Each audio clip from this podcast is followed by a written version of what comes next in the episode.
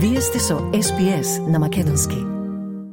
Министерството за правда го испрати барањето до турските власти за екстрадиција на осомничениот за убиството на 14 годишната Вања Ѓорчевска и на 74 годишниот Панче Жежовски Лјупчо Палевски. Оригиналниот документ е испратен и до Турското Министерство за правда и до Интерпол. Македонскиот министер за правда Кренар Лога очекува целата постапка за враќањето на прво осомничениот Палевски да се одвива брзо и тој да биде изведен пред органите во Македонија. Вчера беше подпишено од моја страна, исто така сите списи од Министерството беа преведени на турски јазик. Денеска до крај на работен ден, исто така и од јавното обвинителство ќе бидат преведени и денеска ќе биде пуштено и преку електронската поста и преку нашата амбасада. И од ова јас верувам дека за релативно кратко време ние ќе добиваме позитивен одговор и осемничениот ќе биде меѓу нас. Но турските закони не предвидуваат толку брза постапка за екстрадиција како што најавуваат македонските власти. Професорот по казнено право Гордан Калајджиев вели дека екстрадицијата може да потрае повеќе од еден месец. Веројатно ќе потрае повеќе, не можам да кажам се колку точно. Веројатно Министерството за правда има повеќе искуство да ви каже. Меѓутоа се одвива во неколку нивоа, значи кој ќе по веќе е почната по парањето за со потерница, лишена од слобода и сега мора да стигнат нашите документи за да го држат него според нивните прописи. Калајджиев вели дека изјавите на политичарите и гневот на јавноста изразен преку медиумите можат да бидат искористени од страна на Палевски за да наведе дека во Македонија нема да добие фер судење поради реториката што се шири против него во јавноста. По препреки ние си создаваме преголемата хајка тука, не сме изјави на политичари. Вчера слушнавме министр да ги прогласи за малумни тоа им би им користело. Ако сте непресметливи или битно намалено пресметливи, ето немаше изјави дека се знае кој се и слично монструми едно друго трето, се слодава хајка за кој што некој утре може да тврди дека во државата нема услови за фер судење. Токму ова го предвидуваат и турските закони, односно осомничениот може да одбие да биде екстрадиран во Македонија, наведувајќи безбедносни причини, но тогаш ќе мора да докаже дека му е загрозена безбедноста. Според турските судски процедури, прво ќе треба да биде утврдено дека Палевски, за кого се бара екстрадицијата, не е државјанин на Турција и дека делото не го извршил на незина територија.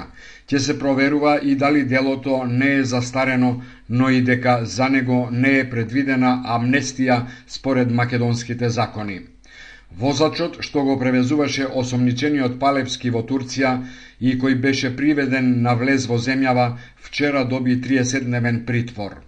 По посетата на американските војници кои поддржувани од македонската армија изведуваат вежби на воениот полигон Криволак, одговарајќи на новинарско прашање во врска со декемврискиот самит на ЕУ и неизвестноста околу добивањето датум за преговори со Унијата, Поради неспроведените уставни измени, американската амбасадорка Анджела Агелер уште еднаш повтори дека ставовите на САД се јасни во однос на евроинтегративниот процес на земјава.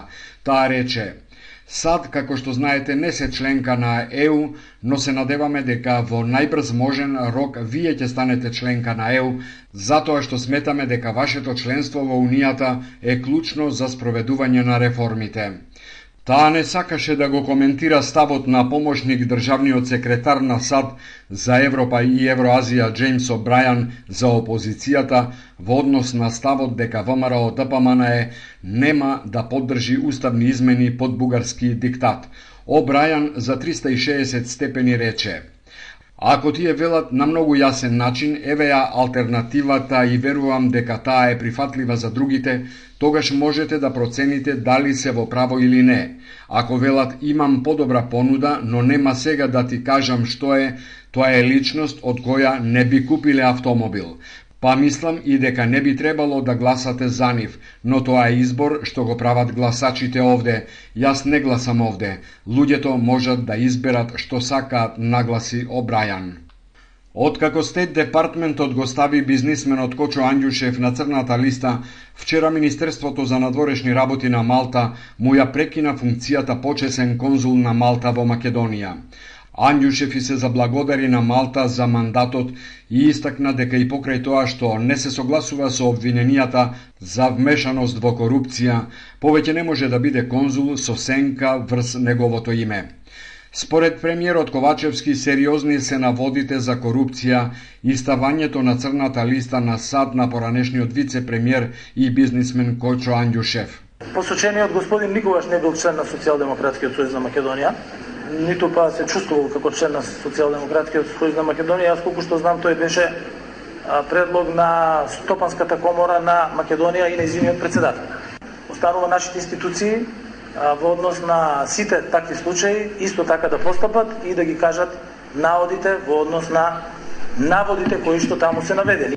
Но американската амбасадорка Анджела Агелер и вчера потенцира дека црната листа ќе се проширува со нови имиња, а именувањето на Кочо Андјушев е уште еден доказ дека сад ќе продолжат да ги санкционираат корумпираните актери во земјава и во регионот.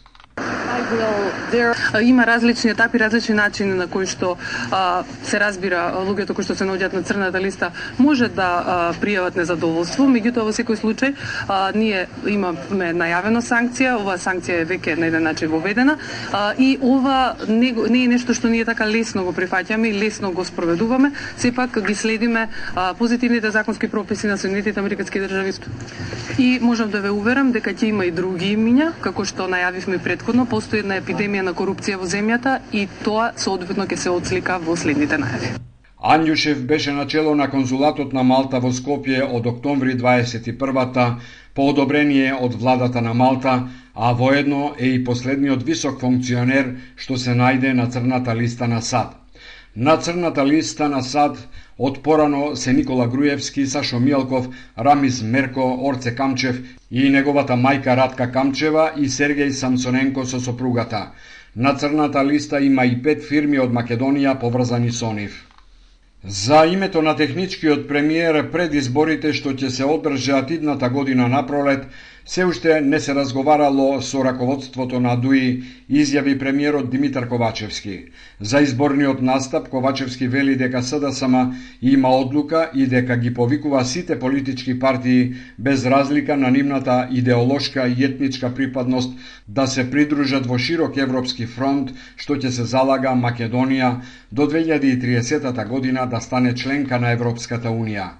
Тој на пресконференција повтори дека во СДСМ е почната внатрепартиската процедура за избор на кандидат за председател. ВМРО ДПМН е соопштува дека неизината конвенција ќе се одржи на 2 март, на која ќе бидат представени кандидатите. Подпредседателката на партијата Гордана Кочовска за ТВ24 изјави. Кај нас од партиските членови да се конкурира, конвенцијата е на 2 март, ние гласаме, си има делегати, Како ќе одлучат делегатите? Сега ние мериме, меѓутоа на крајот сепак се гласа. Многу е неприфатливо за нас да владата во техничкиот период ја предводи лице кое што е дел од една криминогена структура и токму заради тоа ние сме против првинска влада, ВМРО ДПМН е повторува дека за уставни измени нема да гласа. Првиот круг на председателските избори ќе се одржи на 24 април, а вториот заедно со парламентарните ќе се одржи на 8 мај. Стиснете, ми се допаѓа, споделете, коментирајте. Следете ја SPS на Македонски на Facebook.